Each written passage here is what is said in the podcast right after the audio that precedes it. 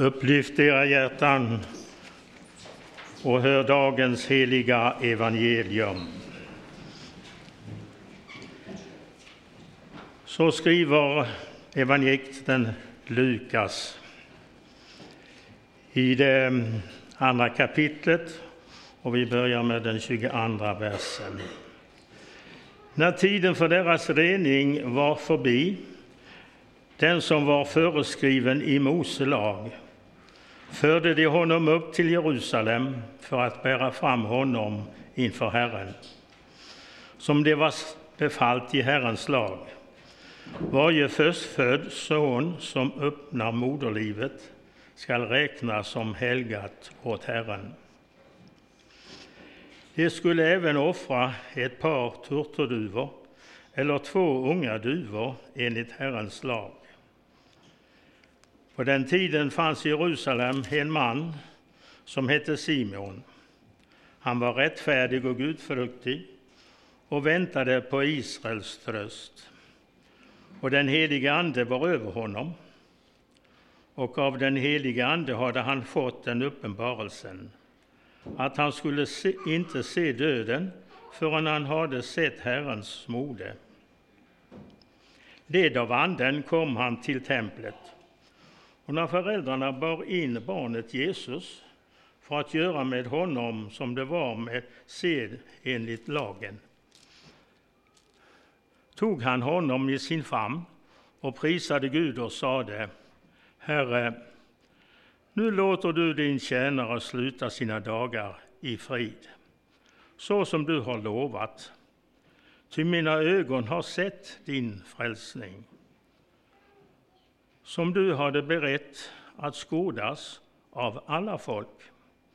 Ett ljus som skall uppenbaras för hedningarna och en härlighet för ditt folk Israel. Hans far och mor förundrade sig över det som sades om honom och Simon välsignade dem. Så lyder det heliga evangeliet. Lovat vare du, Kristus. Nåd vara med er och frid av Gud, vår Herren Jesus Kristus, vår Fader. Amen. Låt oss be.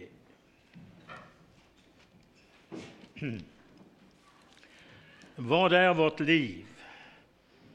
O Herre, lär oss akta rätt därpå. Lär oss att livets dyra vikt och ändamål förstå. Och må vi skåda allting här i evighetens ljus och icke hänga hjärtat fast vid jordens stoft och grus. Vad är vårt liv, vår enda tid att lära känna dig? Den kunskap som har evigt liv och salighet med sig. Vad gagnar det och människan att vinna världen all om hon därmed sin arma själ till slut förspillas skall. Ack, Herre Jesu, hör vår röst. Gör diget tempel i våra bröst. Ut i våra hjärtan bli vår bo, så har vi tröst och evig ro. Kära Herre, vi är här samlade i ditt heliga namn.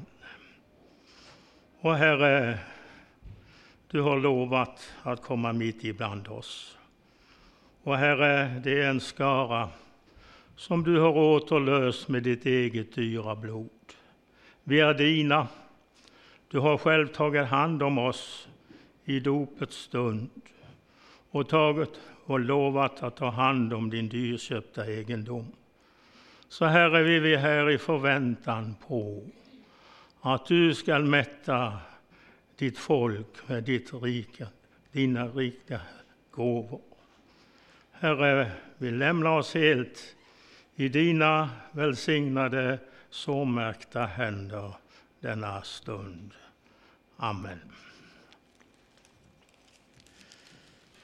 Inledningsvis så vill jag kanske berätta för er att vi som ska stå på predikstolen, vi har eh, ett litet bekymmer och inte så litet. Det är ofta så hur ska jag börja min predikan?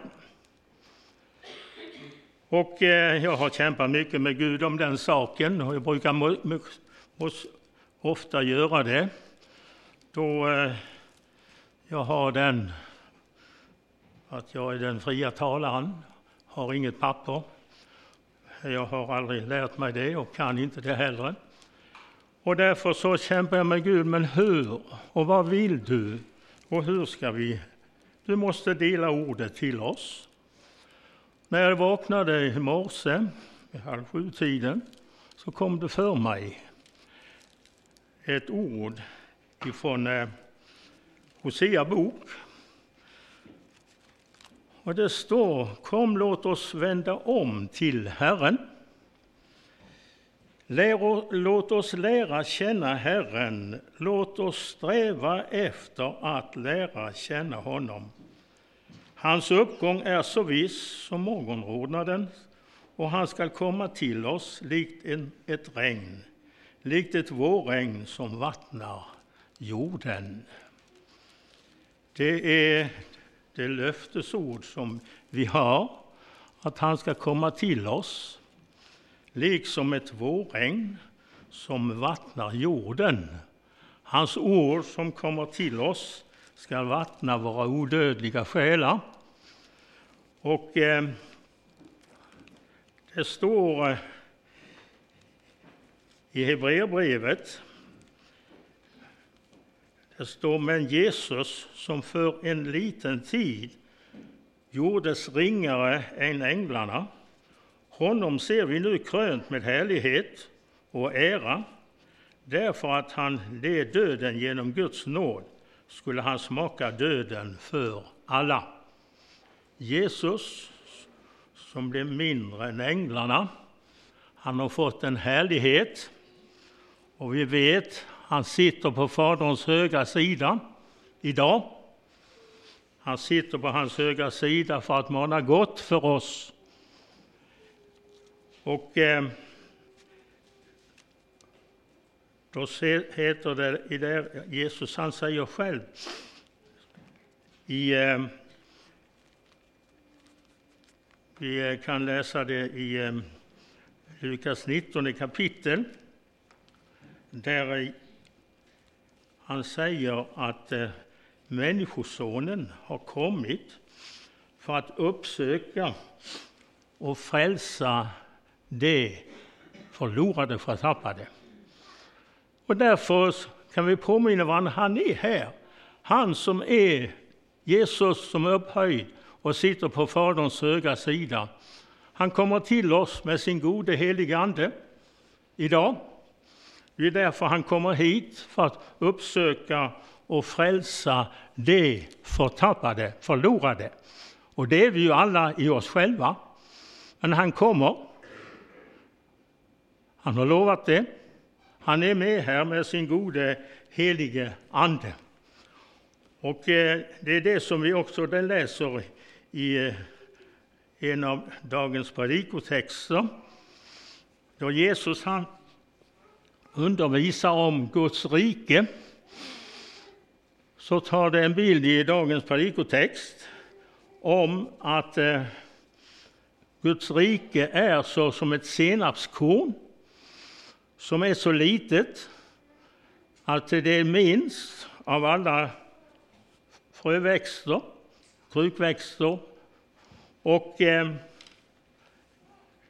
så står det, men det växer upp och blir så stort så att himmelens fåglar kan bygga sina nästen under. Alltså, det, Guds rike är så litet och så ringa, men det har sådan växtkraft att det växer upp så att himmelens fåglar kan bygga sina nästen under det. Det talar om att Guds rike börjar i ringhet.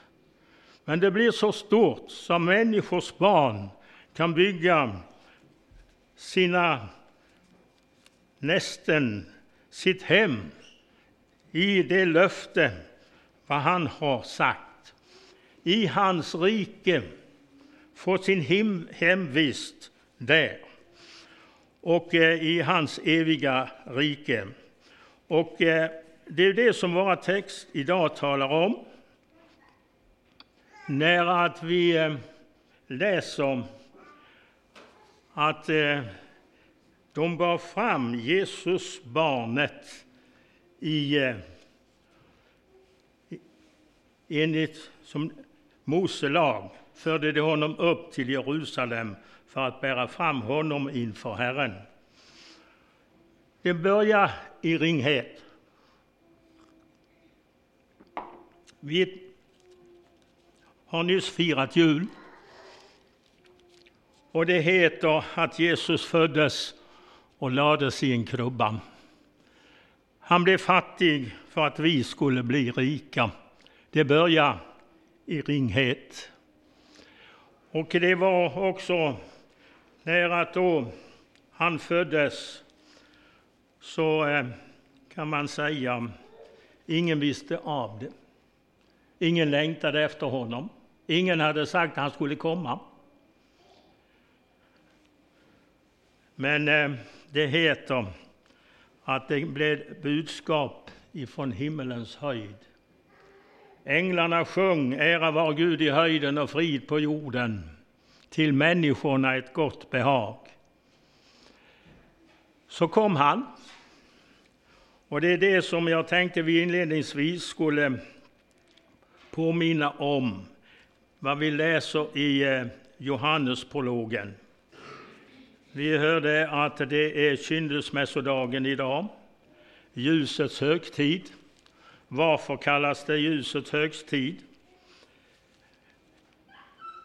Vi eh, läser i eh, Johannes första kapitel.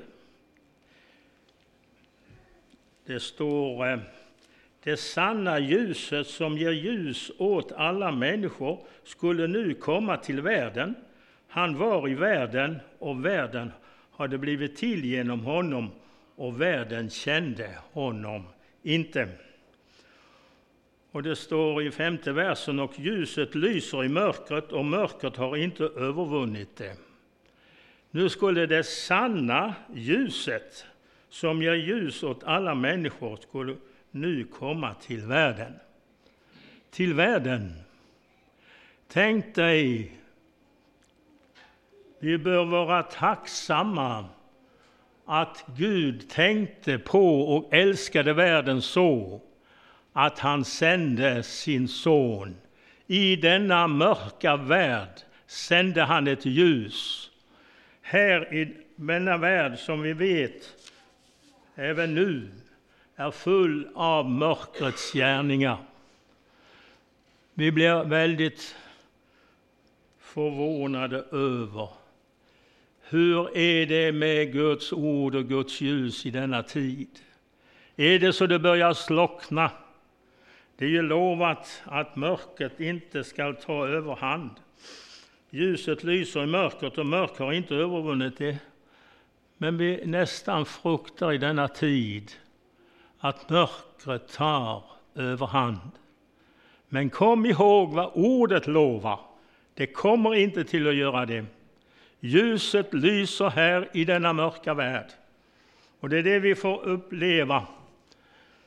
Och det är som vi inledningsvis talar om, att ljuset det kommer i världen, i denna mörka värld. Och det kommer inte att övervinnas av mörkret. Guds rike, det ser ringa ut. Vi kan påminna om som det är när vi eh, ska ge varandra gåvor. Så är det gärna så att vi vill vira in det i ett fint paket och det ska se märkvärdigt ut. Och det är vår tradition. Men Gud gör tvärtom. När han vill ge rika stora gåvor så är det i ringhet. Och så är det också när det ljuset ska komma hit till jorden. Den stora gåvan, Jesus är gåvan given åt jorden. Gud denna gåva åt syndare ger. Så är det i ringhet. Det är så Jesus, när han föddes hit till jorden, så får han bära det med det namnet oäkting. Ingen kunde tänka sig att en jungfru skulle föda en son. Det är omöjligt. Det är ingenting som människor i denna mörka värld kan tro. Och det vet vi också nu, hur man sätter det i fråga. Men han kom, som vi läser i vår trosbekännelse. Han kom född av kvinna, ställd under lagen. Han kom i ringhet. Och så är det med Guds rike, det börjar i ringhet. När Jesus kom så stod det att han kom i världen och världen hade blivit till genom honom och världen kände honom inte. Tänk vad det vittnar om. Han kom till sitt egna och hans egna tog inte emot honom. Denna mörka värld skulle han komma in som ljuset. Och väl var det att han kom. Må vi alltid tacka och lova honom att han kom. Att han kom med ljuset i denna mörka värld, att du och jag har ett hopp för evigheten. Det är det som han kom att göra. När han kom hit till jorden så läser vi i eh, en sammanfattning av det i Galaterbrevet, fjärde kapitel, så står det Men när tiden var fullbordad sände Gud sin son, född av kvinna, ställd under lagen, för att han skulle friköpa dem som stod under lagen, så att vi skulle få söners rätt. En sammanfattning av vad det innebar att Gud sände sin son när tiden var inne. Han hade lovat det, som vi läste i dagstycket i morse. Och senast kommer in om utkorelsen. Hur ska en människa kunna bli salig? När han inrättar sitt rike här på jorden, vad är det för budskap som kan göra att hon kan bli föras från mörker till ljus, från Satans makt till Gud? Det skulle han som är ljuset, han skulle gå in under våra betingelser, vad vi som människor skulle göra. Vi alla människor födes in under lagen. Du skall och du skall icke. Hur har det gått? Finns ingen människa som har kunnat hålla lagen. Inte du och jag heller. Och jag vet inte om du har försökt. För det är viktigt att vi försöker. Vad Herren han säger, det är allvarligt. Det talar till oss. Du ska vara helig, ty Herren vår Gud är helig. Om vi aldrig bryr oss om det, så får vi aldrig rätt på vad vi är i oss själva. Vi får aldrig behov av någon frälsare. Därför uppmanar jag dig, ta ordet på allvar. Herren fordrar av dig att du ska vara helig och rättfärdig. Men när det står att han sände sin son, ljuset kom i världen, så heter det då att han skulle friköpa dem som stod under lagen. Jesus blev ställd. Han föddes ren, helig. Det finns bara han som har fötts hit till jorden. Det står i Hebreerbrevet att han var frestad i allting lika som vi, dock utan synd. Jag har ibland funderat på det, vad det innebär. Frestad i allting lika som vi, dock utan synd. Jag tänkte i min enfald, hur är det att möta frestelser och faror? och inte vara en syndare. Frestelsen är där. Alltså, Jesus kom hit till jorden. Han blev ställd inom våra betingelser. Därför möter vi honom i ringhet. Men först vid dopet vid åtta dagars så möter vi honom där och han får det namnet som var sagt om honom, att han skulle få namnet Jesus för han skulle frälsa sitt folk från deras synder. Och nu när han är i templet så blir det mera uppenbart för allmänheten vad han skulle göra. Han bars fram enligt lagen. Behövde han det? Han var helig och ren.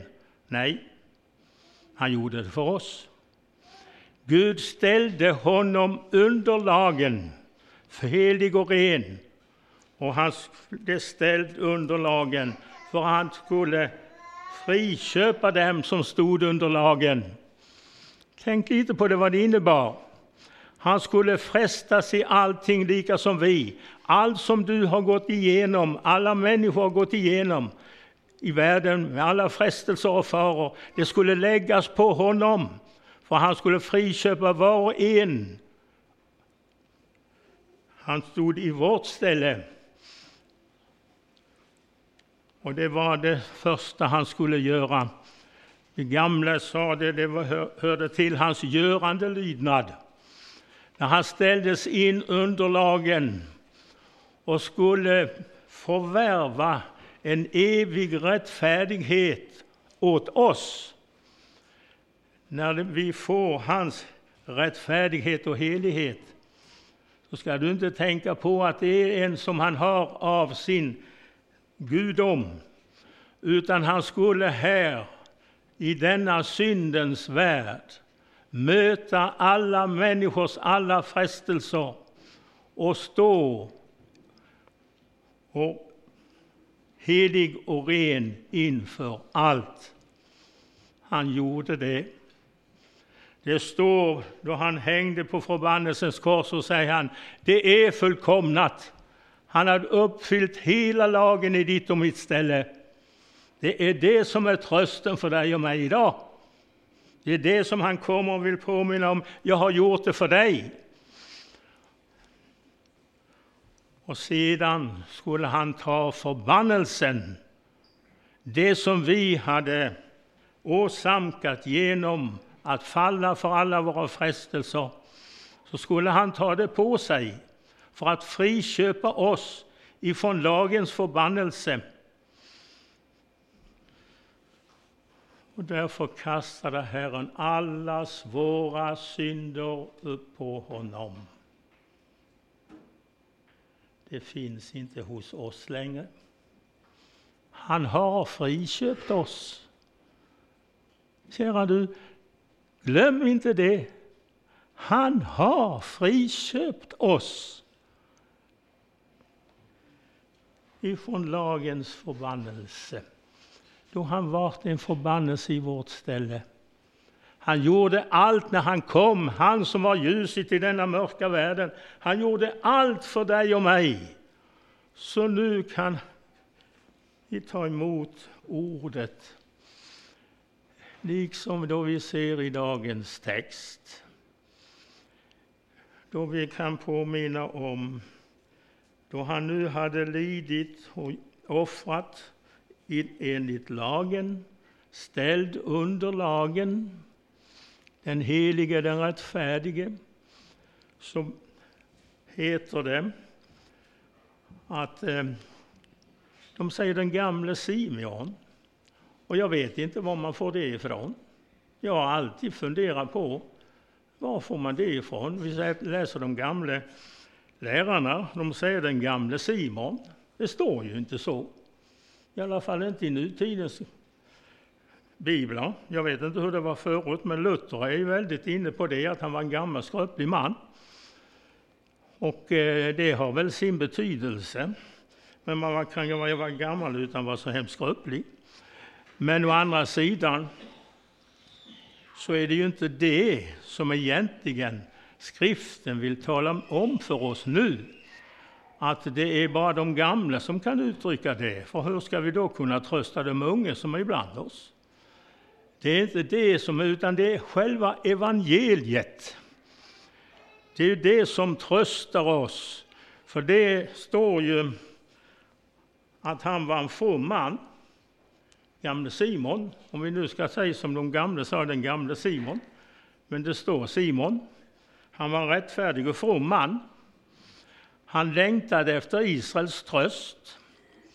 Alltså, här möts gamla och nya testamentet.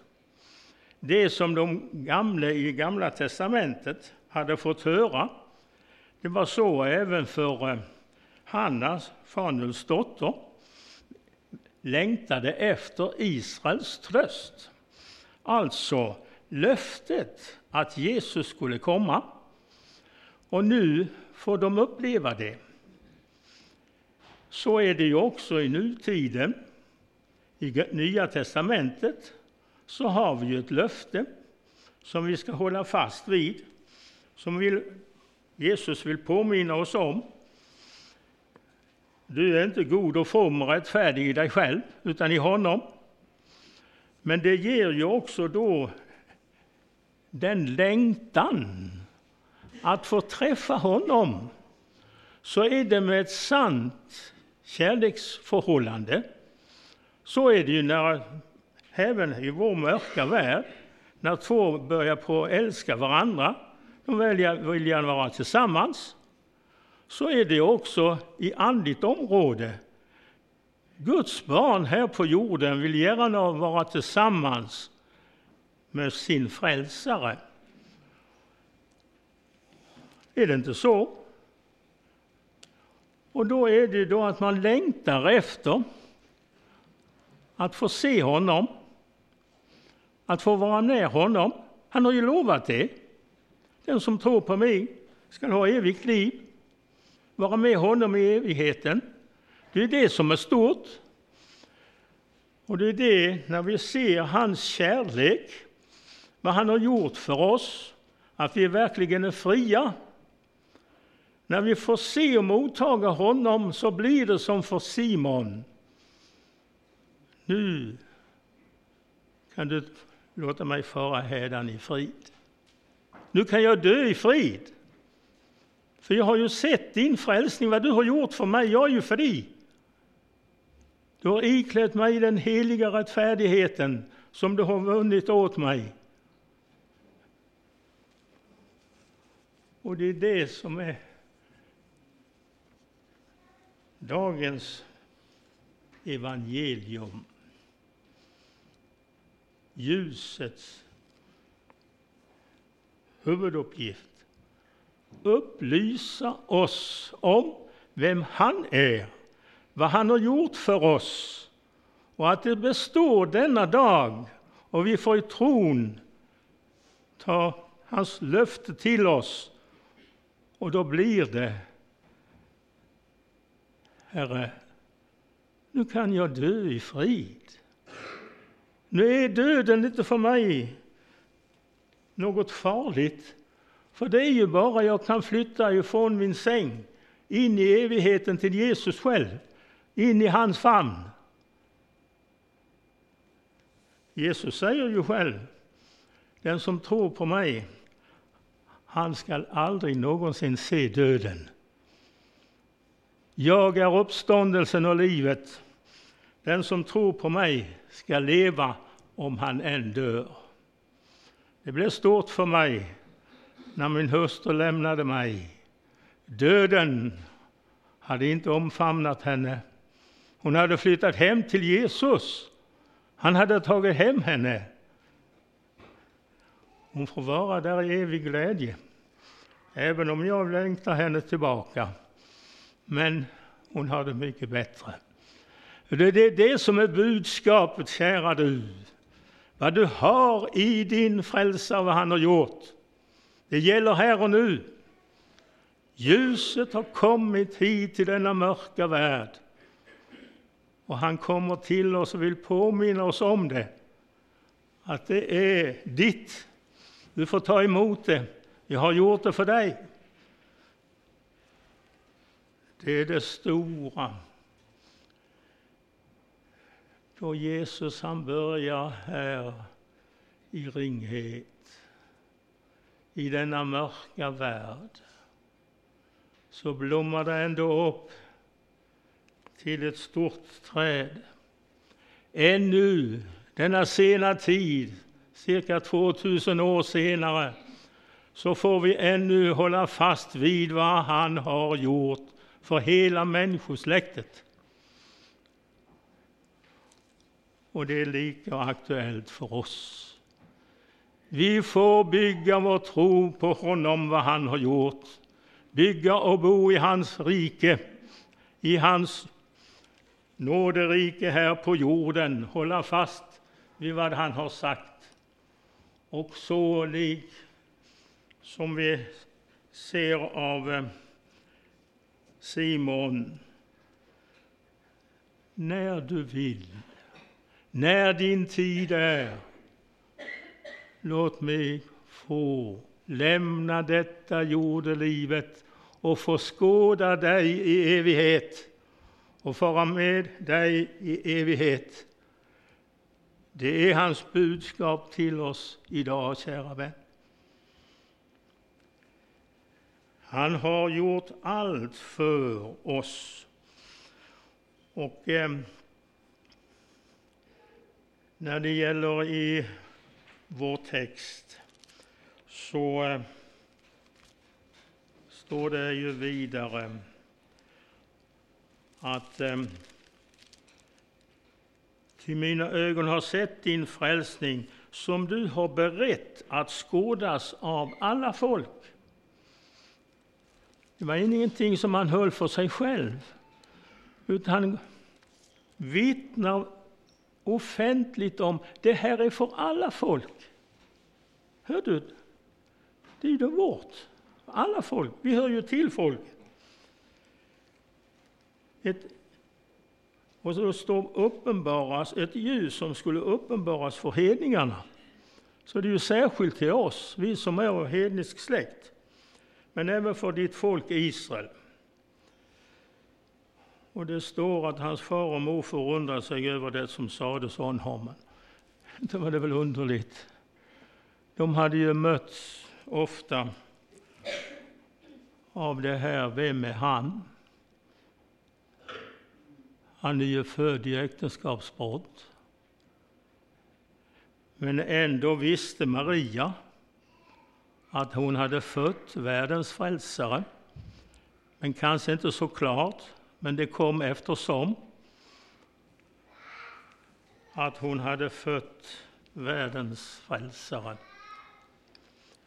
Och det är liksom det är här nu för, för eh, Simon. Så måste Jesus uppenbara det för var och en. Vi kan höra det så här gemensamt.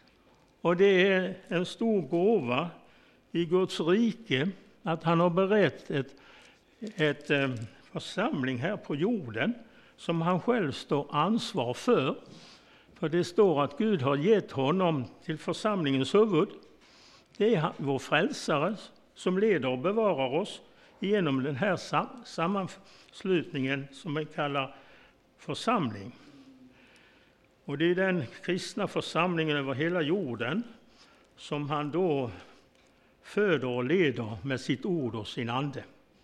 Här är det ju tyvärr så, som Rosenius skriver, att vi vandrar i tro och ser honom icke, detta regeln där bliver David.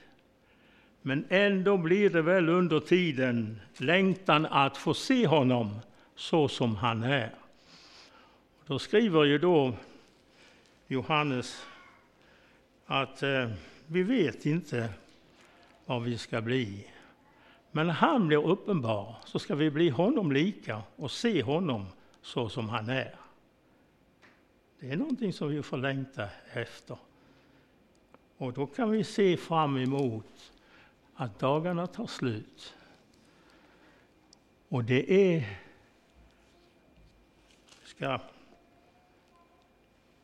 inte få en lagisk påbud av att få se honom så som han är, utan det är hjärtats fria sak. Och vi är människor. Och eh, vi kan inte styra våra hjärtan, utan det har sin egen gång.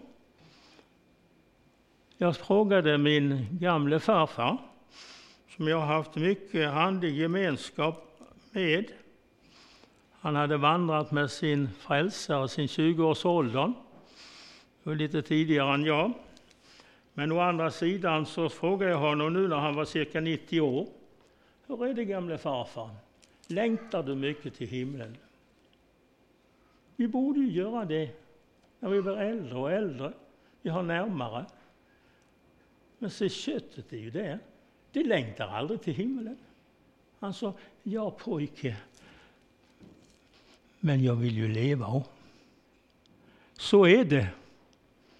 Men när Guds ande kommer och undervisar dig om vem Jesus är, vad han har gjort för dig, att i kärlek har han offrat sig själv för dig, köpt dig fri. Du får vara helig och rättfärdig i tron på honom. Då kommer hemlängtan.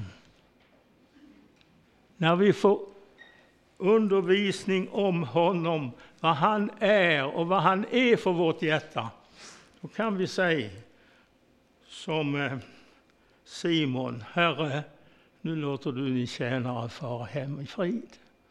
Mina ögon har ju sett din frälsning. Då blir det hemlängtan. Vi kan inte på något sätt få en fram en hemlängtan av oss själva. Det är Guds ord och Guds ande som ska hålla dig i beroendeställning och i längtan av att få se honom som han är.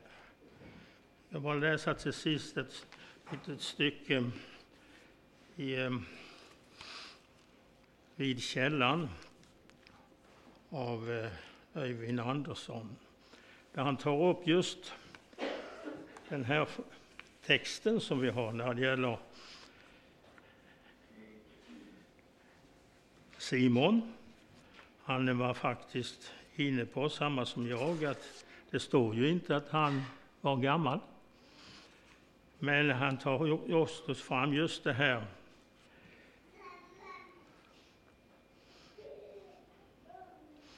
Detta allt handlar om för oss är att alltså detta har Guds ande genom ordet om Jesus fått uppenbara Jesus för våra hjärtan. Slå dig inte till ro förrän du har fått detta. Men sätt dig heller inte ner för att vänta på att något mäktigt ska ske med dig. Nej, ta ordet. Hör, läs, ge akt på orden om Jesus Sjung om det, samtala om det, för det är genom ordet om Jesus som Guds ande får visa oss vem han är. Amen.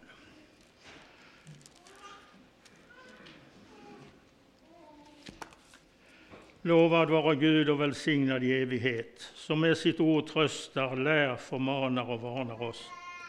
Helige Ande, skriv ordet i våra hjärtan så att vi inte blir glömska hörare, utan varje dag växer till i tro, hopp, kärlek och tålamod intill tidens slut.